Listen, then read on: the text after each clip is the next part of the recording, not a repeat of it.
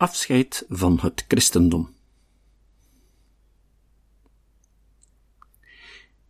Ik wees er al op dat Darwins geloof in het christendom afbrokkelde binnen de twee jaar na de terugkeer van de Beagle.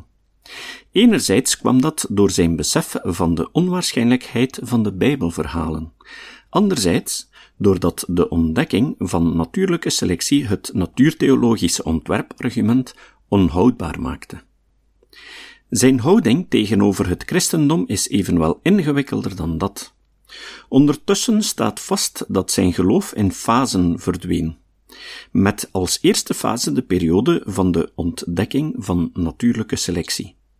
Daarnaast was de dood van zijn dochter Annie het meest cruciaal. Zowel in zijn autobiografie als in zijn correspondentie heeft Darwin zich uitgelaten over het christendom, religie en God. Wat hij schrijft is echter soms tegenstrijdig of ambigu, wat tot verschillende interpretaties leidde bij de huidige Darwin-onderzoekers. Het citaat uit een brief aan Asa Gray, zie kadertekst, dat ik aan het begin van dit hoofdstuk heb geplaatst, typeert die ambiguïteit of onbeslistheid betreffende theologische kwesties. Dat hij het christendom achter zich liet, leidt geen twijfel. Over de precieze redenen hiervoor heerst dan weer felle discussie. Er biedt zich immers een aantal kandidaten aan, en de onderlinge afweging ervan is niet eenvoudig. James Moore drukt het als volgt uit. Anders dan veel Victoriaanse twijfelaars liet Darwin een overvloed aan specifiek en uiterst gedetailleerd bewijsmateriaal na van zijn intellectuele ontwikkeling. Comte over theologie en Hume over mirakels, pijn en zinloosheid in de natuur. Fitzroy's evangelicisme en Lyell's uniformitarisme, heterodoxe familieleden en vrienden. De voorhanden zijnde redenen, intellectueel en moreel, voor het uitdoven van Darwins oorspronkelijke geloof vormen een overkill. 1989, pagina 195. Een aantal van de door Moore vermelde elementen haalde ik al aan. Ik ga niet proberen de discussies over dit onderwerp gedetailleerd te becommentariëren, laat staan er een oplossing voor te zoeken. Wel wil ik de naar mijn mening voornaamste redenen voor Darwins verlies van zijn christelijk geloof formuleren, in het bijzonder in functie van zijn visie op de natuur en de mens. Ten slotte wil ik, eveneens in de context van zijn natuur- en mensbeeld, enkele opmerkingen maken over zijn godsconcept. De meest becommentarieerde en duidelijkste passage over God en het christendom bevindt zich in zijn autobiografie en is getiteld Godsdienstige overtuiging. Het is vooral in dit deel dat bij de postume publicatie van de autobiografie enkele passages werden geschrapt. Voornamelijk op verzoek van Darwins vrouw Emma. Ik volg de Nederlandse vertaling van de ongecensureerde uitgave uit 1958, bezorgd door Darwins kleindochter Nora Barlow. Darwin, 2000, pagina's 77-88. Darwin wijst erop dat alleen zeer duidelijke bewijzen een verstandig mens ertoe kunnen brengen om geloof te hechten aan de mirakels waarop het christendom is gebaseerd. Hoe meer we te weten komen over de onveranderlijke natuurwetten, des te ongeloofwaardiger de wonderen worden. Bovendien dateren de evangeliën wellicht niet uit de periode die ze beschrijven en vertonen ze onderlinge tegenstrijdigheden. Hij schrijft dat die overwegingen ertoe leiden dat hij geleidelijk zijn geloof in het christendom als goddelijke openbaring opgaf. Het feit dat allerlei misleidende religies zich als een lopend vuurtje over grote delen van de aarde hadden verspreid, droeg daar ook toe bij. Zijn ontkerstening kwam echter traag.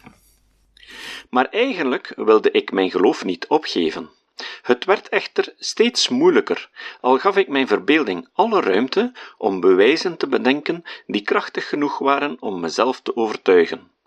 Dus langzaam maar zeker sloop het ongeloof bij mij binnen, tot het uiteindelijk totaal was. Het ging zo geleidelijk dat ik geen verdriet voelde, en ik heb er sindsdien nooit aan getwijfeld dat mijn conclusie juist was. Aan deze aan duidelijkheid weinig te wensen overlatende zinnen voegt hij een passage toe die in de eerste editie gecensureerd werd. Ik kan in feite nauwelijks begrijpen dat iemand zou wensen dat het christendom de waarheid vertelde, want zo ja, dan laat de onverbloemde taal van de Bijbelteksten zien dat mensen die niet geloven, waaronder mijn vader, mijn broer en bijna al mijn vrienden, eeuwigdurend gestraft zullen worden. En dit is een weerzinwekkende doctrine. Hierna verklaart hij later pas in zijn leven over het bestaan van een persoonlijke God te zijn gaan nadenken en geeft hij de vage conclusies waartoe hij is gekomen. Het oude bewijs voor het ontwerp in de natuur voldoet niet meer nu de wet van de natuurlijke selectie is ontdekt. Deze uitspraak is er een die het Darwin-onderzoek voor problemen stelt. Zijn afstandsname van het argument van ontwerp ten gevolge van de ontdekking van natuurlijke selectie gebeurde al binnen de twee jaar na de terugkeer van de Beagle. Toch brengt hij dit in verband met de problematiek van een persoonlijke God, waarover hij, naar eigen zeggen, pas later in zijn leven begon na te denken. Vast staat dat hij in de eerste jaren na de reis met de Beagle David Hume's in 1779 postuum gepubliceerde Dialogues Concerning Natural Religion las. Een werk waarin de Schotse verlichtingsfilosoof zijn twijfels uitdrukt over de natuurtheologie. Ook was hij vertrouwd met Auguste Comte's Cours de philosophie positief. Zes volumes, 1830 tot 1842. Volgens Comte 1798-1857 kende elke wetenschap drie fasen: de theologische, de metafysische en de positieve of wetmatige. In aantekenboekje N schreef Darwin: Zoologie op zich is nu puur theologisch. Pagina 566, 567. Hiermee bedoelde hij dat zoologen nog steeds overal Gods hand zagen, die de natuurlijke orde mee in stand hield. Samen met Comte, stelt Frank Brown, 1986, verwierp Darwin het theologische stadium van de zoologie. In dezelfde periode, herfst 1838, schreef Darwin ook Essay on Theology and Natural Selection, waarnaar ik al verwees. Daaruit blijkt dat zijn ontdekking van natuurlijke selectie hem overtuigde van de overbodigheid van ontwerpargumenten ter verklaring van adaptatie. Paul Barrett drukt het als volgt uit. In deze tekst test Darwin de kracht van zijn eigen theorie tegenover die van het goddelijke ontwerp als verklaring van de oorzaak van speciale adaptaties. Hij besluit dat de theorie van de creationist voorspellende kracht mist en ook tekortschiet in de verklaring van vele gekende feiten. Voor Darwin waren de eenvoudige Malthusiaanse postulaten van populatiedruk en afremming, en van Candoliaanse strijd en oorlogen, en van toevallige en geringe variaties, voldoende om zelfs de meest bizarre adaptaties te verklaren. Gruber en Barrett, 1974, pagina's 414-415.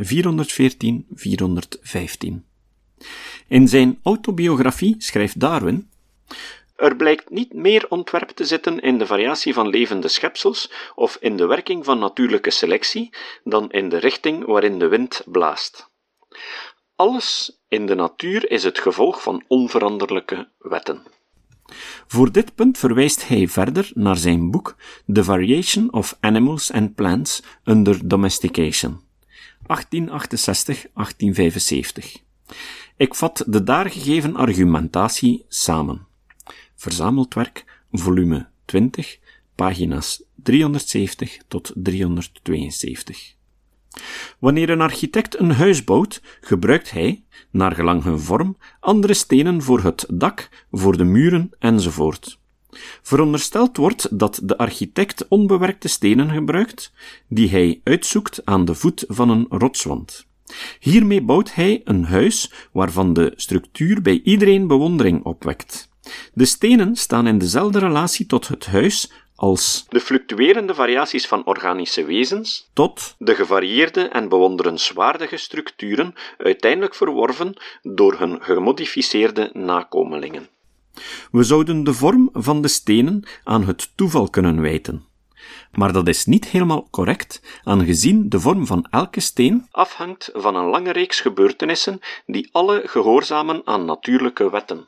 Toch kunnen we, wat hun gebruik of functie betreft, hun vorm louter toevallig noemen. Darwin bedoelt dat de wijze waarop de natuurwetten de vorm van de stenen hebben bepaald, niet teleologisch of doelgericht is. Ze hebben de vorm die ze hebben als gevolg van de werking van natuurwetten. Maar die wetten konden niet voorzien dat er ooit een architect de ene steen zou kiezen om een muur mee te bouwen en de andere om in een dak te verwerken. Vervolgens schrijft hij hier worden we met een groot probleem geconfronteerd en ik ben me ervan bewust dat ik mij in de verwijzing ernaar buiten mijn domein waag. Een alwetende schepper moet alles wat de door hem in werking gestelde natuurwetten teweegbrengt, kunnen voorzien. Maar moeten we dan aannemen dat God met voorbedachte raden de natuurwetten zodanig maakte dat ze stenen zouden opleveren met zo'n vorm dat een architect er ooit een huis mee zou bouwen? Moeten we dan niet eveneens aannemen dat hij elke variatie onder gedomesticeerde planten en dieren teweegbracht, zodat de kwekers de kweekindividuen zouden kiezen die ze kiezen? Als we hierop bevestigend antwoorden, wat dan te denken van alle variaties, stenen, planten en dieren, die we niet gebruiken? Het is één van beiden. Ofwel nemen we aan dat God alles zo heeft voorzien, ofwel aanvaarden we de rol van het toeval in het gebruik van stenen door de architect van gedomesticeerde planten en dieren door kunstmatige selectie en van het gebruik van toevallig aangepaste organismen door natuurlijke selectie. Darwin besluit dat dit probleem even onoplosbaar is als dat van de vrije wil en predestinatie. Niettemin is zijn persoonlijke mening duidelijk. De schepper heeft niet alles voorzien. Bij gevolg moeten we de rol van het toeval en de wijze waarop de architect en kunstmatige en natuurlijke selectie hierop inwerken accepteren. Hoezeer we het ook zouden willen, schrijft hij, toch kunnen we professor Asa Gray niet volgen in zijn geloof.